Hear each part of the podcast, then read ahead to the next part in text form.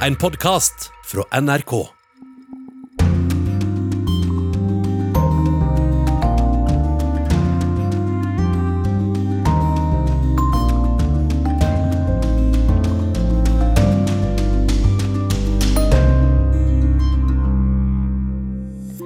De såkalte folkeavstemningene i de russisk-okkuperte delene av Ukraina går sin gang, og innbyggerne der blir nå nektet å forlate områdene. Hijab-protestene fra Iran sprer seg både innad i landet og til andre land. Grete Faremos FN-organisasjon blir etterforsket av dansk Økokrim. Hva er det som er galt i Sverige? Ja, Det spør vår kollega i ukas korrespondentbrev. Vel møtt til Urix på lørdag. Jeg heter Marit Kolberg. Ukrainske myndigheter melder at innbyggere blir nektet å forlate de fire russisk-okkuperte områdene, der det nå blir gjennomført såkalte folkeavstemninger. Disse avstemningene skal vare i fire dager og har blitt eh, fordømt, bl.a. fra G7-landene. Og for noen ukrainere så vekker dette vonde minner fra da Krim ble annektert for åtte år siden. I think it's bullshit. Like people uh, who knows what is Russian voting, they uh, they understand that it's nothing, and it, it doesn't say anything. Like it doesn't say what people Det er bare tull. uh, Dette falske valget gir ikke noe riktig bilde. Det er bare noe russerne gjør for å okkupere områdene, sier Andrej Lanetsky. Han er opprørt over det som skjer i fire okkuperte områder av Ukraina nå. Og det er spesielt sårt fordi han har kjent på kroppen selv hvordan det føles når stedet du kommer fra blir annektert. 29-åringen er fra Krim. I don't feel that much connection with Crimea, and I can say that I feel it like like home anymore.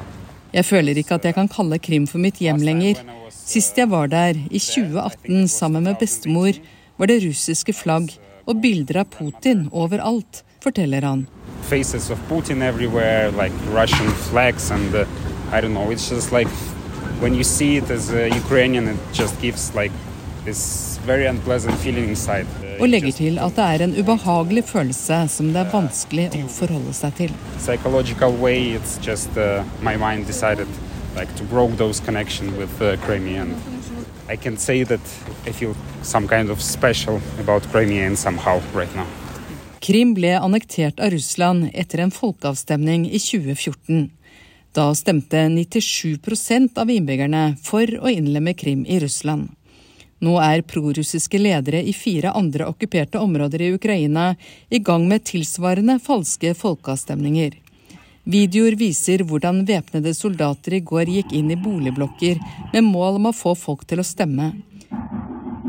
Ingen tror annet enn at det blir et overveldende flertall for å si ja til å bli med i Russland. Vi går gjennom Kyivs gater der Andrij bor. Nå merkes også konsekvensene av at nye områder er okkupert ved at etterspørselen etter boliger har skutt i været. right now, we got the statistics that uh, the um, interest in the apartments reached 120% comparing to the before war. So basically, people looking even more flats than before the war in Kiev. Interessen for leiligheter i Kyiv har økt med 120% sammenlignet med før krigen, sier Andrej. Han mener det skyldes at folk flykter fra farlige områder øst og sørøst i landet. So this is the oldest uh, bar on Podil. Selv under krigen råder en normalitet i Kyiv, der unge mennesker møtes over en øl. Probably uh, not like you imagine uh, capital of the country that, that is in war. Det er kanskje ikke slik du tenkte at det ville være en hovedstad i krig, men da russerne ble sparket ut fra Kiev, så falt vi tilbake til en slags normalitet. Unntaket er bare flyalarmene, sier han. Men det ligger også et tungt alvor her over hva som skjer når fire nye områder snart kan bli annektert av Russland. Det var vår reporter i Ukraina, Åse Marit Befring, som hadde møtt og snakket med Andrej Lanetsky. Og Una Hakvåg, du er forsker ved Forsvarets forskningsinstitutt og ekspert på russisk sikkerhets- og forsvarspolitikk. Hva er det innbyggerne i disse fire områdene kan vente seg hvis de nå etter all sannsynlighet blir innlemmet som en del av Russland? Selv om denne, disse folkeavstemningene mest sannsynlig vil vise støtte til annektering, så betyr jo ikke det at uh, Russland har kontroll i disse områdene, eller at befolkningen ønsker det.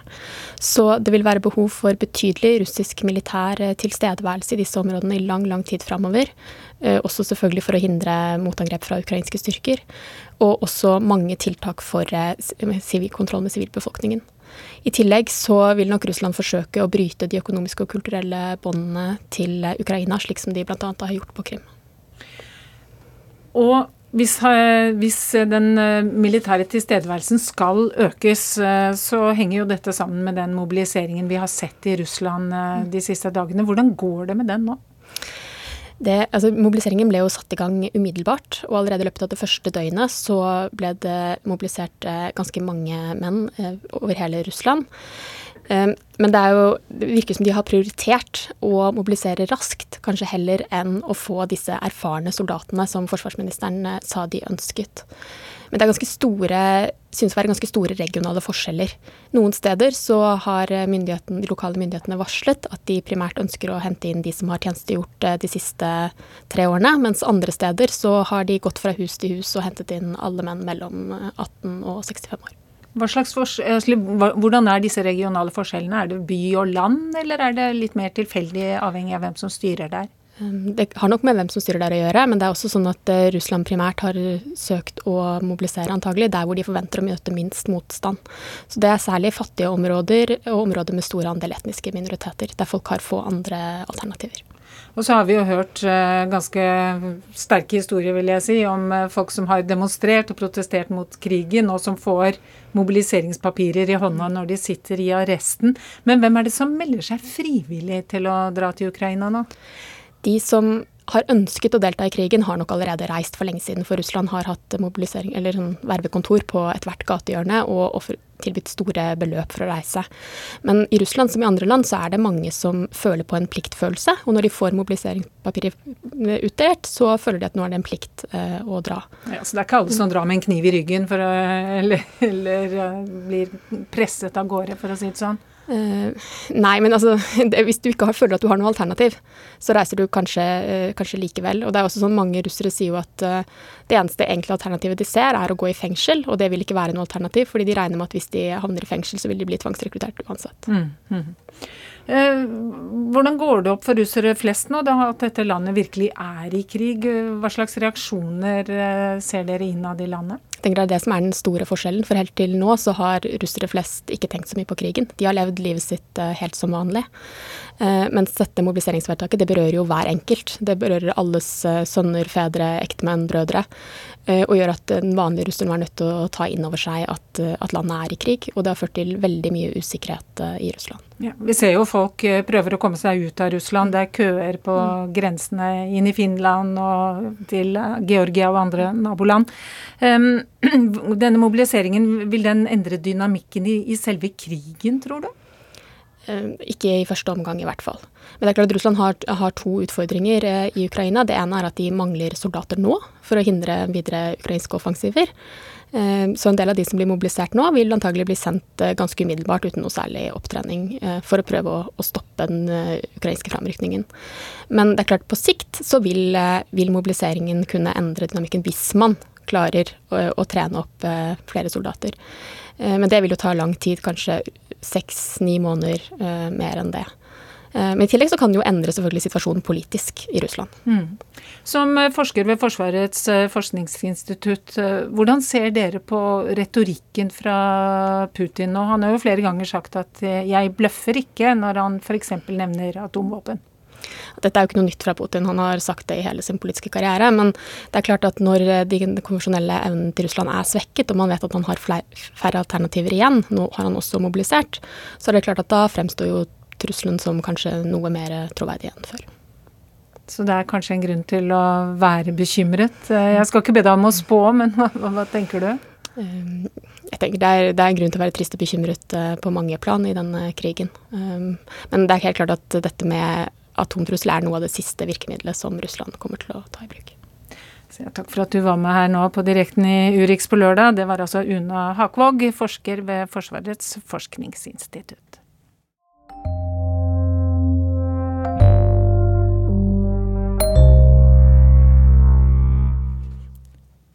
For eh, en stund siden var det flom i Pakistan. Vi hørte mye om den, og nå viser det seg altså at den har rammet hver sjuende innbygger i landet. De store problemene i dette landet ble også tema på et av de mange møtene på sidelinja på FN-toppmøtet i New York denne uka, f.eks. da utenriksministrene fra Pakistan og Norge møtte hverandre. Denne gangen skjedde det i Pakistan, men neste gang så kan det skje hvor som helst, sa utenriksminister Bilal Bhutto Sardiari til NRK. Hello, sorry. Uh, yes, Thank you so much. Uh, Very pleased to meet you. It's a pleasure to meet you. Han beklager en liten forsinkelse. Det går i ett med møter når Pakistans utenriksminister er i New York. 34-åringen, sønnen til Pakistans tidligere statsminister Benazir Bhutto, har um, installert seg noen etasjer opp i FNs høyblokk, der G77s kontorer ligger. En koalisjon av utviklingsland som sammen fremmer sine økonomiske interesser. So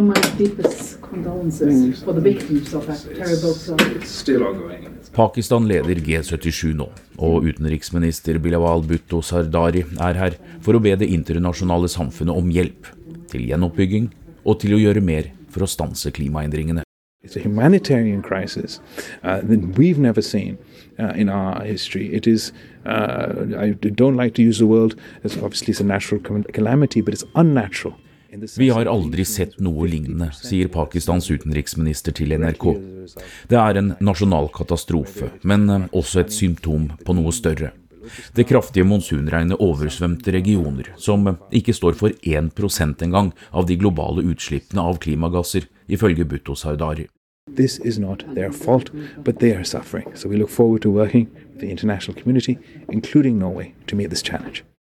I've just returned from Pakistan, where I looked through a window into the future. FNs generalsekretær. A future of Antonio Guterres gir også klimaendringer skylda for flomkatastrofen i Pakistan, og mener land med store karbonutslipp må stille opp for ofrene. Pakistan and other climate hotspots need flood resilient infrastructure now. And those most responsible for emissions must step up with the funds for adaptation. Vannmassene har ødelagt avlinger. Opptil 70% er delvis ødelagt. Hver sjuende pakistaner er rammet. 33 millioner mennesker har mistet hjemmene sine. Det er for lite medisiner, det meldes om nye utbrudd av diaré og malaria, sykdommer, bakterier spres i vannet, og ennå er ikke alle behovene kartlagt. Altså, det er en forferdelig situasjon i Pakistan, hvor så store deler av landet står under vann. Og det tar lang tid før dette kommer til å tørke opp. Og veldig mange mennesker må flykte. Eh, avlingene bryter sammen, så det er behov for massiv hjelp til Pakistan i den grusomme situasjonen som vanlige folk nå står i. Utenriksminister Anniken Huitfeldt hadde ikke med nye løfter denne gang. Norge har i to omganger lovet Pakistan hjelp, verdt rundt 80 millioner kroner. Vi har jo sett flyktningstrømmer tidligere, så hvis ikke vi bidrar til å løse situasjonen og gi folk tilgang til humanitær hjelp, både i Pakistan, men også i Afghanistan, så kan det få konsekvenser også for oss sjøl. So well, we're incredibly grateful to the people of Norway and the government of Norway for supporting the government of Pakistan and the people of Pakistan at the time of these devastating floods. Uh, for your people and for your government, the issue of climate change has been a priority uh, for quite some time, and now the people of Pakistan are actually suffering. Uh, their victims. Utenriksminister Bhutto Sardari mener verdenssamfunnet må trekke i samme retning for å stanse ekstremvær. Pakistan er rammet denne gang, det kan skje hvor som helst i framtida, mener han. And I appeal to the citizens of Norway uh, to continue uh, to stand with us uh, in this uh, difficult time, and we all have to come together as a global community to surmount this challenge because it's Pakistan today, and it can be any country going forward. And how would you describe the situation in your country? Because the government is adjusting the numbers, I mean, almost day by day. It is, uh, I mean, a, a, sort of apocalyptic and biblical in scale. Uh, intense Ødeleggelsene, konsekvensene av flommen er apokalyptiske, bibelske, svarer Bilawal Bhutto Sardari når vi ber ham sette ord på situasjonen i hjemlandet. Det har dukket opp en 100 km stor innsjø, men det er ikke det verste. As the waters uh, recede, it'll take months for these waters to clear into the sea. We're then following one catastrophe after another, compounding the effects. We have a medical catastrophe, a medical crisis coming up before us, with an epidemic of waterborne diseases uh, spreading amongst these communities. We have a food security crisis that we're going to have to face uh, with the millions of hectares of agricultural land and crop that have been devastated. We'll have reconstruction and rehabilitation challenges because you have to rebuild uh, homes for these 33 million people and our road and communication infrastructure, and an economic crisis uh, sort of looking at staring us in the face. Ja, det er en eh, medisinsk katastrofe, det er mangel på mat, og vi må gjenoppbygge hjem til 33 millioner mennesker. Det sa utenriksminister eh, Bilawal Bhutto Sardari på slutten her. Reporter var Anders Tvegård. I morgen går italienerne til valgurnene for å velge ny nasjonalforsamling. I går var det mange som gikk ut i gatene i Roma for å demonstrere. Toccano il futuro, noi piantiamo la città, la città, la città. Hvis de sperrer for framtiden vår, sperrer vi byen, roper de. I går fylte 30 000 ungdommer Romas gater for å kreve klimahandling. Det har vært en skremmende sommer i Italia. I juli døde elleve mennesker da en isbre kollapset i Alpene. Den verste tørken på 70 år ødela avlinger og krympet elver og innsjøer. Og i september flom og ekstremvær. Men når italienerne går til stemmeurnene i morgen, er det etter en valgkamp der klimaspørsmål har hatt en marginal plass. Lucrezia har akkurat fylt 18 og skal stemme for første gang. Det er ingen som representerer oss, sier hun. Det er ingen som gir oss håp. De unge er helt fortapte i denne politiske virkeligheten. Og fra scenen gjør Sara, en av arrangørene av klimamarsjen, det klart at de virkelige endringene må komme fra andre steder enn nasjonalforsamlingen hvis noe skal skje. Kampen fortsetter, sier hun. Alle vil ha våre stemmer. De prøver å overbevise oss med å være på TikTok for å få de unges stemmer. Men det holder ikke. Vi vil bli hørt på ordentlig. Vi vil delta. Den virkelige politikken skapes i gatene. Ja, Der hørte vi deg, Simen Ekern, og nå er du med oss direkte fra Roma. Vi hører altså at de unge strever med å få klima inn i valgkampen som tema. Har det fungert nå helt på slutten, da? Ja, Det har fungert på slutten i den forstand at da, da venstre, sentrum-venstresiden hadde sin valgavslutning i, i, i, går kveld på, på, Piazza del Popolo her i Roma, så, eh, så, snakket partileder Enrico Letta direkte til disse ungdommene og forsikret dem om at han eh, hørte på dem, og han vil gjerne at de skal demonstrere enda mer, eh, for han tar dette på alvor. Inntrykket i går var vel at de ikke riktig tror på dette, og at de føler at det stemmer det de har sagt hele veien, at uh, disse utspillene til de unge det er først og fremst uh, valgflesk. Og, den virkelig store saken den har forsvunnet i, politisk spill og, og sedvanlig italiensk manøvrering mellom kjente fjes. Og det kjennetegner jo også en del av de eldre som jeg har snakket med, at mange syns, syns at de ikke helt skjønner hvorfor det ble valg nå, hvorfor regjeringen ble valgt, og at det er de samme som, som snakker at ingenting kommer til å endre seg. Og det er eh, frykt for at ganske mange kommer til å bli hjemme eh, i morgen. Nå er det jo ikke lov med meningsmålinger i Italia de siste to ukene før valget, men hva vet man nå om hvilken vei dette bærer?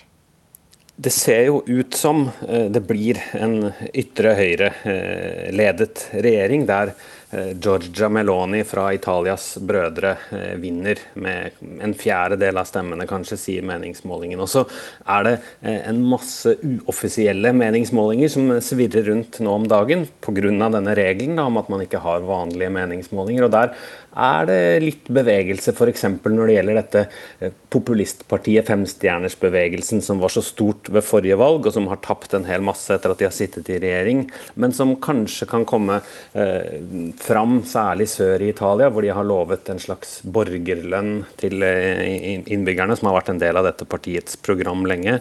Kanskje kan det partiet skape litt problemer for høyrekoalisjonen, men, men etter alt å dømme da, så er det fortsatt eh, Meloni som er den store favoritten. Det er mange som følger med på sidelinjen og er spent på hvordan eh, dette går. Hva sier EU? Hva slags betydning vil dette valgutfallet få for unionen? Det er eh, en del bekymring i en del europeiske hovedsteder. For dette blir jo den regjeringen i Vest-Europa eh, som, som, vil ligge aller lengst ute til høyre. Med Meloni, med Matteo Salvini fra partiet Lega, som jo i mange år har snakket om at den europeiske unionen må bygges ned og, og, bare består av ansiktsløse byråkrater som vil nekte eh, nasjonene sin egentlige identitet. Nå har Georgia Meloni drevet en valgkamp i veldig stor grad mot eh, utlandet. eller Hun har snakket til utenlandske observatører på både fransk, og spansk og engelsk og sagt at det er ikke sant at jeg er farlig, det er ikke sant at jeg vil endre eh, forholdet til eh, Europa. Um, men det, det, det, det, knytter seg en hel del eh, usikkerhet da, til hva slags eh, type land Italia blir under Meloni når det gjelder eh, europeisk samarbeid. Vil det bli et land som ligner mest på Viktor Urbans Ungarn, som stikker kjepper i hjulene hele tiden når felles løsninger skal meisles ut, eller, eller blir det et land som, som, fungerer sånn som et av EUs grunnleggere, som, som Italia jo er? Eh, om det blir et land som, som, som, minner om det som man har, har sett tidligere. Men det, det, vet vi rett og slett ikke, fordi eh, det er såpass stor forskjell på hva eh, disse ytre høyre-partiene har sagt tidligere, og, og, hva de sier nå. Så, så, så mm, en, en, en, god del eh, uvisshet kan vi i hvert fall si eh, at det er hva slags land Italia blir i Europa eh, hvis Meloni vinner. Så nevnte du at uh, man regner med at det er ganske mange som kommer til å holde seg hjemme. Hvorfor, uh, ikke folk, uh, hvorfor er ikke folk mer engasjert i Italia? Nei, Det er jo litt rart, fordi på en måte så framstår dette som en, et valg der det er veldig store og dramatiske skiller mellom alternativene. Ikke minst da pga.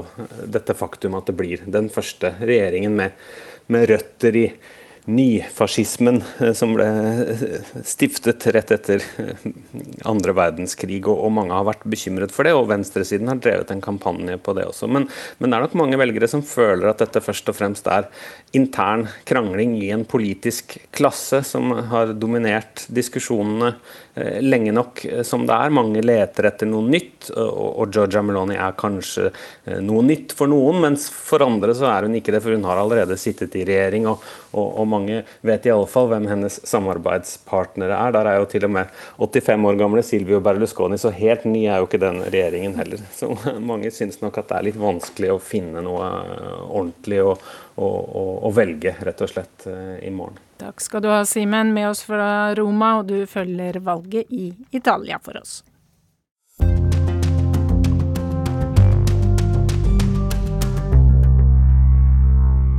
Også i natt har demonstranter gått ut i gatene i Iran i protest mot at 22 år gamle Masha Amini døde, etter at hun ble arrestert av moralpolitiet i Teheran. Iransk politi har slått ned på dette opprøret, og minst 35 er døde, melder statlige medier. Men det er ikke bare der i Iran at det blir protestert. I andre land, Chile og Norge f.eks., er det også protester. Iranske Nasiber Shamsi har stilt seg opp foran Irans ambassade i Istanbul. Rundt henne står en stor gruppe iranske kvinner og menn. På den brune blusen sin har hun festet et stort bilde av iransk-kurdiske Masha Amini, Gina på kurdisk, som bare ble 22 år. Hun døde bare få dager etter at hun ble arrestert av moralpolitiet i Teheran. Azadi, frihet, roper Nasiber Shamsi idet hun tar frem en stor saks.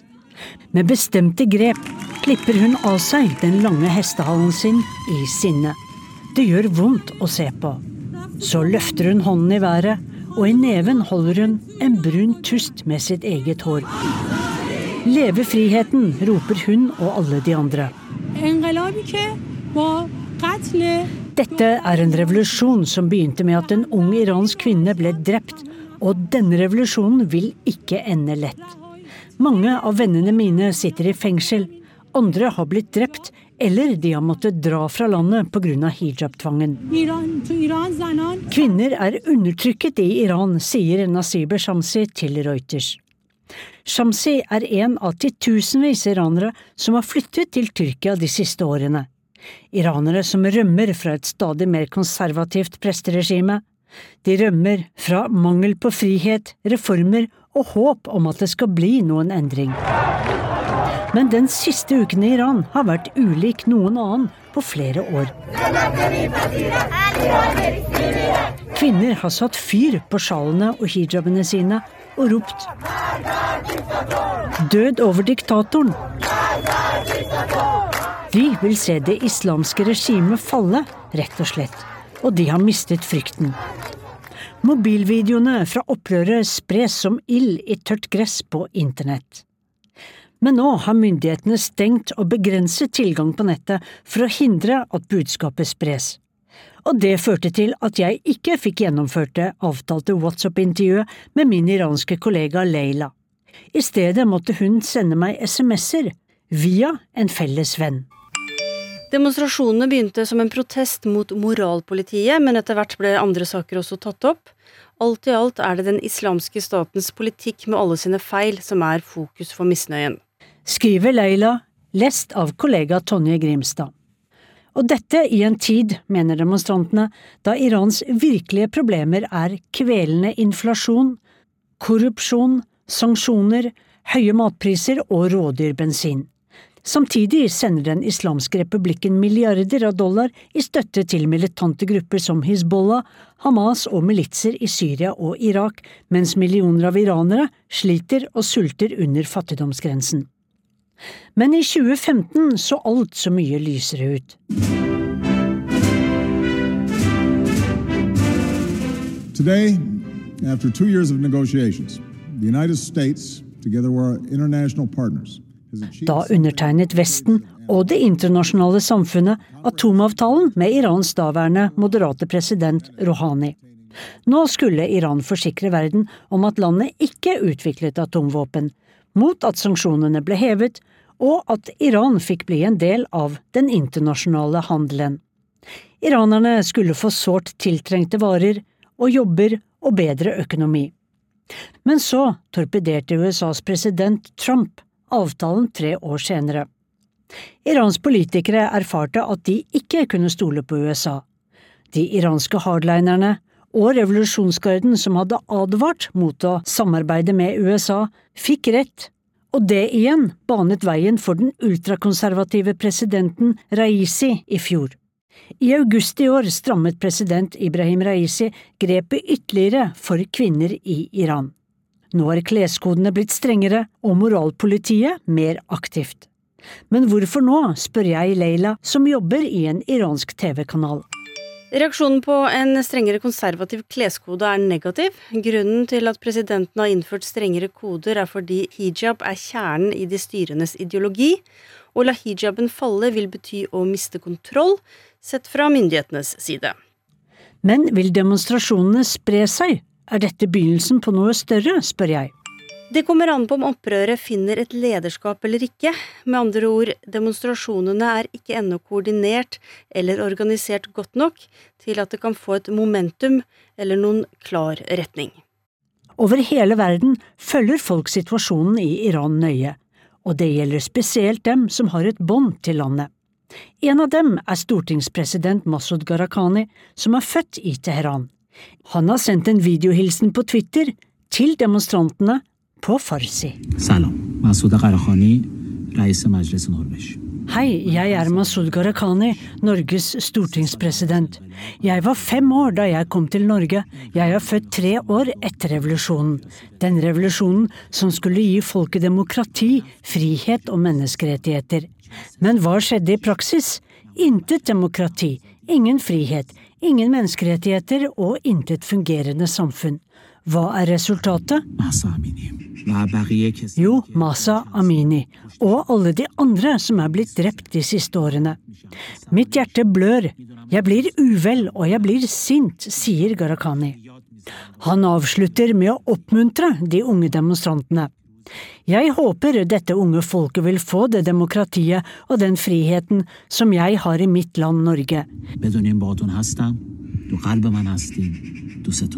Dere skal vite at jeg er med dere, dere er i mitt hjerte, og jeg elsker dere. Det sier stortingspresidenten i denne hilsenen. Reporter her var Sissel Wold, og statsminister Jonas Gahr Støre skriver på Twitter nå at han er uroet over kvinnenes mangel på rettigheter i Iran, og at han fordømmer håndhevingen av hijab-forbudet. Danmarks Økokrim har startet etterforskning av FN-organet UNOPS, som Grete Farmo var leder for. I mai i år gikk Farmo plutselig av etter at New York Times hadde skrevet om pengerot og regelbrudd i organisasjonen. Men siden den gang så har det vært ganske stille rundt Farmo og UNOPS, og det er mange som har lurt på hva det var som egentlig skjedde. Kollega Heidi Taksdal Skjeseth har en oversikt over denne saken. Ja, eh, UNOPS, eh, United Nations Office for Project Services, de er ganske ukjente eh, også i FN, men de er veldig viktige. De bygger infrastruktur på vegne av andre FN-organisasjoner. Altså de bygger flyktningleirer, sykehus. Hvis UNDP må fikse en bro for å nå fram til dem de skal hjelpe, så ber de UNOPS om hjelp. Så de har vært lite kjent, men de er helt uvurderlige i felt. Og så er det tydeligvis noe som har gått galt her da. Hva er det som har skjedd? Ja, Det kan virke som det er veldig mye som har gått galt. Eh, og det er ganske komplisert. Men hvis vi skal ta en veldig forenklet versjon, eh, og det må vi, så er det sånn at UNOPS tjener sine penger på å bygge disse flyktningleirene, veiene, fra, for andre FN-organer. Og det tar de da betalt for. Eh, og så ser vi at etter at eh, Faremo begynte som leder i 2014, så har de økt prisene sine. De har tatt mer og mer betalt, og de har sittet igjen med et ganske massivt overskudd som eh, Faremo og hennes nestleder, eh, ukrainske Vitalij Vanselboim, har villet investere sammen med private partnere. Så de har prøvd å inkludere private selskaper for å få bygd nye prosjekter i utviklingsland. Eh, og det var kanskje en god tanke, eh, men de har hatt veldig store problemer med å finne partnere. Eh, og så endte det, og her har det skjedd masse underveis, men krisen er at de endte opp med å betale ut et lån på 60 millioner dollar, altså over en halv milliard norske kroner, til selskaper eid av én mann, eh, den ganske ukjente britiske forretningsmannen David Kendrick. Og nå sier FN selv at nå når de økt dette tallet du nevnte i starten, til 400 millioner norske kroner, kan være tapt. Han har ikke betalt tilbake lånene. Han skulle bygge over en million eh, hus i eh, land som Ghana, Pakistan, India, Kenya. Ingen hus er bygd. 400 millioner kroner kan være borte. Og i kroner og øre så kan det da være det som blir omtalt som den største skandalen i FNs historie? Ja, eh, pengemessig så ser det sånn ut. Vi har ikke fått full oversikt over alle FN-skandaler. Det er en enorm organisasjon med et enormt årlig budsjett. Men kilder vi har snakket med, som kjenner FN godt, de sier at de ikke kan huske eh, noen gang å sett så store summer på avveie. Og I tillegg eh, til David Kendrick, altså denne britiske forretningsmannen, så har også datteren hans, Daisy Kendrick, fått en kontrakt med UNOPS.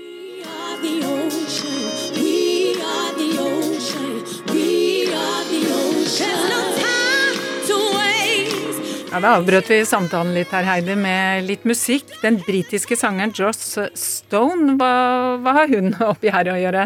Ja, Hun har jo også ufrivillig blitt en del av denne saken.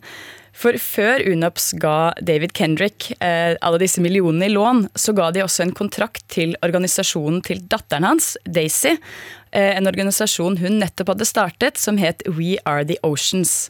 Hun hadde lite eller ingen erfaring, var 21 år, men fikk en kontrakt på 3 millioner dollar for å skape økt engasjement om havet blant unge. Og denne sangen vi nettopp hørte, det var en del av hennes produkt. Dette skulle få unge til å bry seg om havet. Og det som er viktig her, både far og datter, i kontraktene de har fått av UNOPS, så har det ikke vært noen anbudsrunde, det har ikke vært noen utlysning. Og det bryter med FNs egne regler. Og det som også er viktig, som NRK har avdekket, er at det har vært en rekke advarsler og bekymringsmeldinger underveis innad i organisasjonen som ikke har blitt lyttet til. Så det kan virke som om lederne i UNOPS, og da altså toppleder Grete Farmo, ikke har eh, lyttet godt nok til advarsler fra egen organisasjon. Og nå er altså denne skandalen et faktum. Hva er det som skjer videre i denne saken da? Ja, nå er det full opprydning på gang. De har fått en ny eh, leder som er midlertidig, som har fått i oppgave å finne ut hva som skjedde. Eh, USA og Finland, to store FN-land, holder tilbake all støtte til UNOPS, og begge har uttalt seg svært kritisk til det som har skjedd. Norge holder ikke tilbake pengestøtten. Eh, vi ga 155 millioner kroner i fjor, eh, og det er flere granskinger på gang. Én er ferdig, den har ingen fått se, verken Norge eller mediene. Og så Det siste er at dansk Økokrim, for UNOPS har hovedsete i København, de har startet en etterforskning av denne skandalen. Ja, det var Heidi Taksdal Skjeseth som hadde denne oversikten. Og NRK har flere ganger forsøkt å få et intervju med Grete Faremo. Isteden så har hun sendt oss en kommentar på SMS, der hun bl.a. skriver at hun anerkjenner sitt ansvar, og at det var derfor hun gikk av. Men at hun ikke kjenner hele historien om det som skjedde.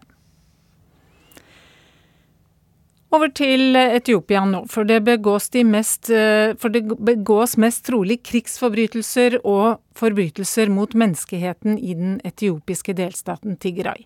Det var konklusjonen i en FN-rapport som ble publisert denne uka. Der ble det bl.a. vist til at sult blir brukt som et våpen, og det samme gjelder voldtekt, og ifølge rapporten er noen etniske grupper spesielt utsatt for overgrep. Og samtidig som denne rapporten ble publisert, kom det meldinger om at nye offensiver var på gang i Tigray. Og nå er det frykt for at den humanitære situasjonen skal bli enda verre.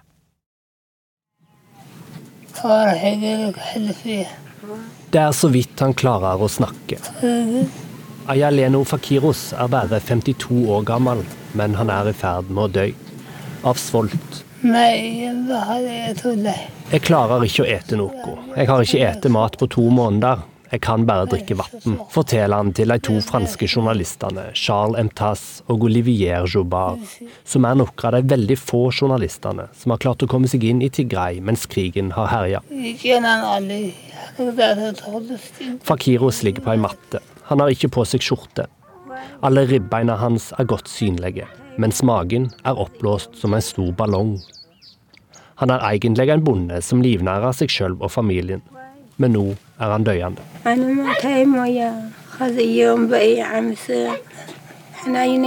Sønnen min pleide å klare seg fint, forteller Bitsu Arefa. Hun er 70 år og våker over sønnen sin. De har begge overlevd perioder med stor matmangel, og den brutale tida da det kommunistiske Derg-regimet regjerte Etiopia med hard hand. Men nå er livet i ferd med å ebbe ut for Fakiros, som ikke klarer å komme seg inn til sykehuset i byen.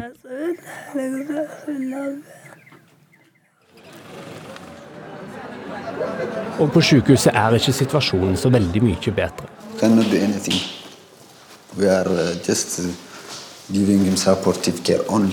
Sehaye Alemseged er lege og forteller at de mangler det meste av utstyr. Han tok med de franske journalistene inn til ei av sengene på sykehuset.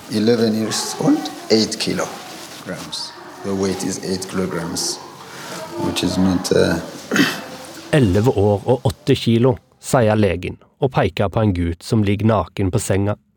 Hovedet til gutten er stort, men kroppen er liten. Bare bein og skinn. De franske journalistene gjorde opptaket i juni i år. Gutten på senga har seinere dødd av svolt. Situasjonen for folk i Tigray er ille. De som styrer i delstaten, TPLF, er innblanda i en konflikt med regjeringa i Etiopia, som er leia av fredsprisvinner Abiy Ahmed. De to partene har en maktkamp gående, der de skylder på hverandre. En god del av de mennesker som handler mellom denne her barken og veden, er uskyldige mennesker som betaler en høy pris. Stadig flere må bøte med livet. I will tell you my own story. I have many relatives there. I want to send them money. I cannot send them money.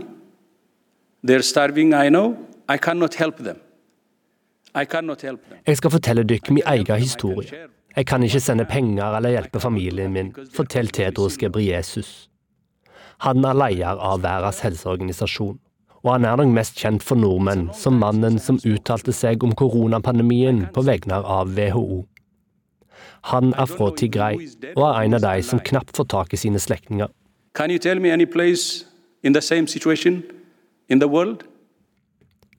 Maktkampen i Tigray har ført til en blokade, og det er dette som fører til den omfattende svolten. Den ferske FN-rapporten, som nøytrale observatører står bak, forteller at alle parter i krigen angriper sivile, og slike angrep skjer også i andre delstater enn bare Tigray. Men det som er unikt for situasjonen i Tigray, er blokaden, som mer eller mindre har vart i nesten to år. In June, 87% of people surveyed in Tigray were food insecure, more than half of them severely so. I juni var 87% av folk i Tigray uten trygg tilgang på mat, og over halvparten hadde det enda verre, sier Martin Griffiths, som leder FNs arbeid for nødhjelp og humanitært arbeid. Some recent improvements in the delivery of humanitarian assistance in northern Ethiopia. Vi har i det siste sett at det har blitt en bedring i levering av humanitær hjelp, men det er over nå, sier Griffiths. Is undoing that progress. For etter fem måneder med våpenhvile og muligheter til å frakte inn litt hjelp, så er det nå tegn til at kampene har blusset opp igjen denne veka. Dermed må de sivile i Etiopia, og spesielt de i Tigray, forberede seg på at en ille situasjon kan bli enda verre. Det som skjer i Etiopia, er en maktkamp mellom ulike parter som er uenige om hvordan Etiopia skal se ut i framtida. I slike diskusjoner kan det være vanskelig å bli enige, men det er enklere å være enige om at slike overgrep som sivile rundt om i Etiopia nå opplever, burde ingen mennesker få oppleve. Det sa vår reporter Vegard Kjørom. Brasil går til valg neste søndag, og en hovedsak i valgkampen er sult og fattigdom. Og det er ganske forståelig, for ifølge en undersøkelse så lever mer enn 33 millioner brasilianere på eller under sultegrensen. Og det er Nordøst-Brasil som er hardest rammet. Kollega Arnt Stefansen har besøkt dette området. Den 52 år gamle Joselita Batista feier gulvet i sin leilighet i fattigkvartalet Facenda Independencia i utkanten av Salvador, Nordøst-Brasils største by. Me sustento com 400 reais. Jeg lever for rundt 800 kroner i måneden. Jeg bor med to barn i dette huset. Det er, som du ser, svært beskjedent, sier 52-åringen. Og hun åpner kjøleskapet og viser meg at det eneste innholdet er en flaske vann. Det hender at jeg må spare frokosten til det blir kveld, sier hun. Bon dia! Dona Josélia? Sosialarbeideren Mauricio do Posto kommer på besøk til Joselita. Han jobber for kommunen og gir helsehjelp til de fattigste i Facenda Independencia. Mangelen på mat er nå et av de store helseproblemene, sier han. Os moradores têm dificuldade de, de, de se alimentar. Mange har ikke råd til å kjøpe den maten de trenger. En stor undersøkelse viser at mer enn 33 millioner brasilianere lever på sultegrensen, og jeg ser hver dag eksempler på dette, sier sosialarbeideren Maurizio do Posto til NRK. Den sosiale krisa er en hovedsak foran valget her i Brasil neste søndag. President Jair Bolsonaro hylles på 200-årsdagen for Brasils uavhengighet tidligere denne måneden. Han slår an en optimistisk tone foran valget. Folket er på vår side. Folket er på det godes side.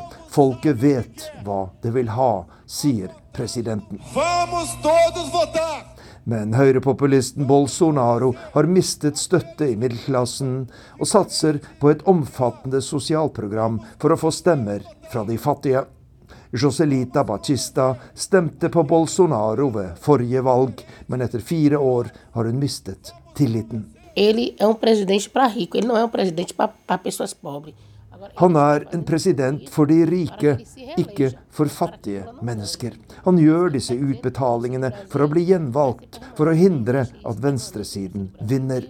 Dette er å lure mennesker som trenger hjelp, sier tobarnsmoren i Salvador. Og meningsmålingene viser at den nye sosialhjelpen har gitt lite fremgang for Bolsonaro. Koronapandemi, høy arbeidsledighet og kraftig prisstigning, det er de viktigste årsakene til den dype krisa blant Brasils fattige.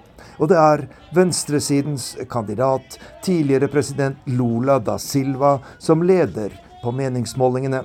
Não é possível o Brasil ser o primeiro produtor de carne do mundo. Brasil er verdens største kjøttprodusent, og det er meningsløst at vanlige folk i dette landet må stå i kø foran slakteriene for å få tak i et kjøttbein, sier Lula på et valgmøte. Ifølge det kjente instituttet Datafolia har han støtte fra hele 60% av de drøyt 50 millioner innbyggerne i Nordøst-Brasil. Bare 23 støtter Bolsonaro, viser en ny måling.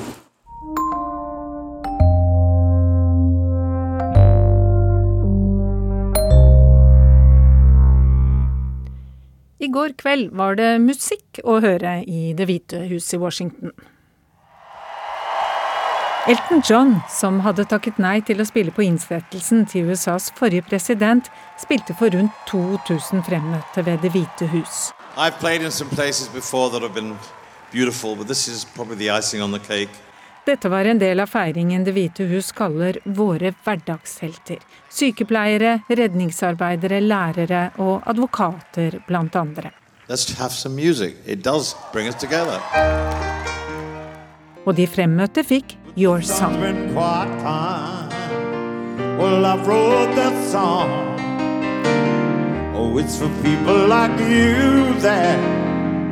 Mens den kjente britiske artisten fikk, til sin store overraskelse, en medalje for sin innsats for aids-syke. I just said to the First Lady, I'm never flabbergasted, but I'm flabbergasted and humbled and honored by this incredible award from the United States of America. I will treasure this. Han var overrasket Elton John, men satte stor pris på prisen han fikk. Vi vender blikket mot Sverige, der valget for lengst er overstått. Men eh, hvem som skal styre landet de neste fire årene, ja det er det fortsatt intense forhandlinger om. Et av stridstemaene er også det som ble valgkampens store sak, nemlig kriminalitet. For hva gjør det med et land når 48 mennesker så langt i år er drept med skypte våpen? Et land, et tall, som aldri før har vært høyere, det forteller vår kollega Joakim Reigstad i sitt korrespondentbrev fra Stockholm. Så skjedde det.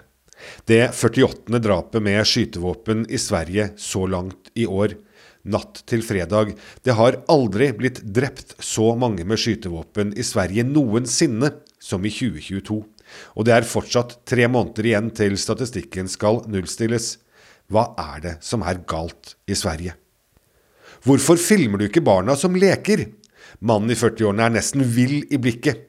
Jeg har tatt turen til Eskilstuna noen dager etter at en kvinne og en femåring ble truffet av skudd på en lekeplass i et boligområde i byen. Dere jævla reportere, dere gjør ikke annet enn å fremstille disse områdene som farlige. Hvorfor filmer du ikke meg som er her og leker med mine barn? Han var sint. Veldig sint. Jeg tok mannen på ordet, snudde kamera og rettet det mot ham. Greit. Fortell meg hvordan det er her. Hva du tenker om at noen blir skutt på en lekeplass, sa jeg, og er fortsatt litt usikker på hvordan jeg klarte å beholde roen. Kanskje fordi det var midt på dagen, og fordi jeg hadde sett tre-fire politibiler på parkeringsplassen noen meter unna. Nei, nei, få bort det kameraet, sa mannen, trakk hetten over hodet, selv om det fortsatt var i hvert fall 20 grader ute, og gikk med raske skritt bort. Det ble en svensk valgkamp hvor kriminalitet som ventet fylte størstedelen av debatten. Og det ble som ventet høyresiden som vant på det. Retorikken med at de rød-grønne hadde ansvar i åtte år, men ikke klarte å gjøre noe med utviklingen, fungerte. Om noen dager eller uker får Sverige trolig en ny regjering, bestående eller støttet av partier som alle har tatt til orde for høyere straffer, mer politi, mer kameraovervåkning og andre tøffe tiltak i de utsatte områdene i Sverige. Gjennom valgkampen besøkte jeg flere av disse områdene. Det er 61 av dem. Geografisk avgrensede områder hvor politiet mener det er en betydelig større fare for å bli utsatt for dødelig vold enn i resten av Sverige. Mange av områdene ligger rundt de store byene. Det er ingen hemmelighet at disse bydelene og områdene har høy innvandrertetthet. Gjennomsnittslønnen og utdanningsnivået er også som regel lavere enn i resten av landet, viser flere rapporter fra det brottsforebyggende rådet. Også det svenske politiet har kartlagt dette. Riktignok for fem år siden, men trolig har lite endret seg. Rapporten viser at det var langt flere yngre beboere i de utsatte områdene enn i landet som helhet. Og mens omkring 17% av den totale befolkningen i Sverige er førstegenerasjons innvandrere, er andelen i disse bydelene mellom 50 og 60% I enkelte områder, som f.eks. Rosengård i Malmö, er den så høy som 90% i noen områder. Følgelig er også andelen svenskfødte av to utenlandskfødte foreldre høyere i de utsatte områdene enn i resten av landet. Sysselsettingsgraden, altså andelen innbyggere i et område som faktisk er i aktiv jobb, ligger ifølge politiets rapport på ca. 47% i utsatte områder, mens i Sverige for øvrig er den 67 Jeg vet ikke hva som er de forskjellige personenes årsak til at de ikke vil fortelle om hvordan livet fortoner seg i et utsatt område i Sverige. Min høyst personlige teori er at taushetskulturen har spredt seg. Taushetskulturen beskrives gjerne som hjørnestein i de kriminelle miljøene. Du forteller aldri hvem som skjøt deg, hvem som truet deg. Du holder kort og godt kjeften. Uansett hvem som spør om det er en politimann, en sosialarbeider eller en korrespondent fra Norge. Heldigvis er det de som forteller, men de som gjør det, har gjerne sitt utgangspunkt. De har enten brutt med kriminelle miljøer for lenge siden, eller de har engasjert seg på annet vis gjennom sosialt arbeid eller idrett f.eks. Det ender jo selvsagt med at vi får deres perspektiv på saken. Det er fint å høre, interessant og viktig, men det sier lite om hvordan de indre systemene i kriminelle gjenger fungerer. Til det må vi stole på politiets versjon. Hvis jeg hadde tatt et øyeblikksbilde, la oss si Rosengård i Malmö da, en lørdag sånn ca. klokken tolv, så er det umulig å forstå at det er et utsatt område. Folk lever side om side, unge og gamle. Barn leker på lekeplassen, mødre og fedre handler inn til helgen, eller de sitter utenfor i solen og spiser falafel fra en av foodtruckene utenfor Rosengård-senteret. De litt eldre ungdommene spiller fotball eller basketball. Men når man hører politiets beskrivelse av et slikt område, som ikke bare er utsatt, men særskilt utsatt, så skjønner man at det ikke er en lek. Systematiske trusler og vold mot vitner hvis det skjer noe ulovlig. Trusler mot politiet som gjør at de alltid må bære ekstra sikkerhetsutstyr. Parallelle samfunnsstrukturer. Systematisk krenking av religionsfriheten. Fundamentalistisk påvirkning som truer menneskers frihet og rettigheter. Åpenlyst narkotikasalg. Risiko for beboere og uforvarende blir skadet av voldshandlinger. Det er politiets egne ord. Det anslås at ca. 550 000 svensker bor i et utsatt område. Altså drøye 5% av landets totale befolkning. For dem er dette hverdagen. For de resterende er det ikke noe som nødvendigvis opptar en så veldig. Det skjer selvsagt blind vold også i Sverige. Man kan være uheldig og være på feil sted til feil tid. Men Sverige er et trygt land å ferdes i og bo i. Likevel ble dette en så viktig sak for mange i årets valg. For når vi leser statistikken som viser at det aldri har blitt begått flere drap med skytevåpen i Sverige, så er 48 et tall et tall i en dyster statistikk. Men ikke for alle. For 48 familier blir livet aldri det samme. For 48 vennegjenger er det et stort hull som aldri kan tettes. 48 mødre og fedre har fått en livssorg det er umulig å komme ut av. Et drap rammer selvsagt den drepte, men det rammer også alle de rundt.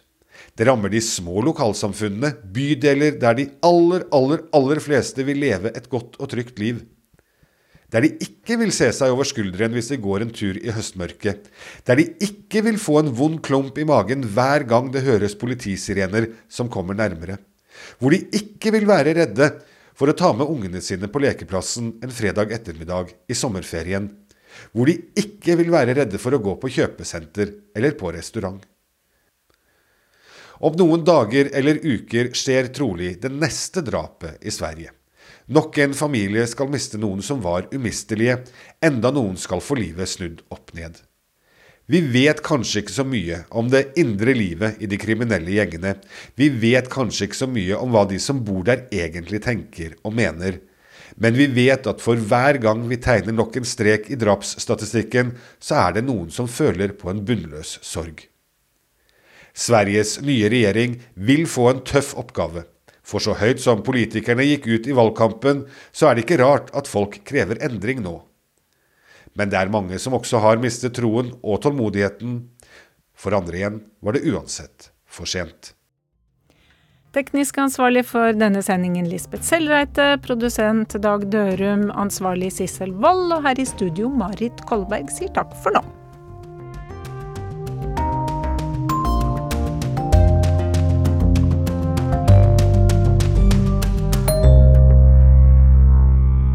Du har hørt en podkast fra NRK.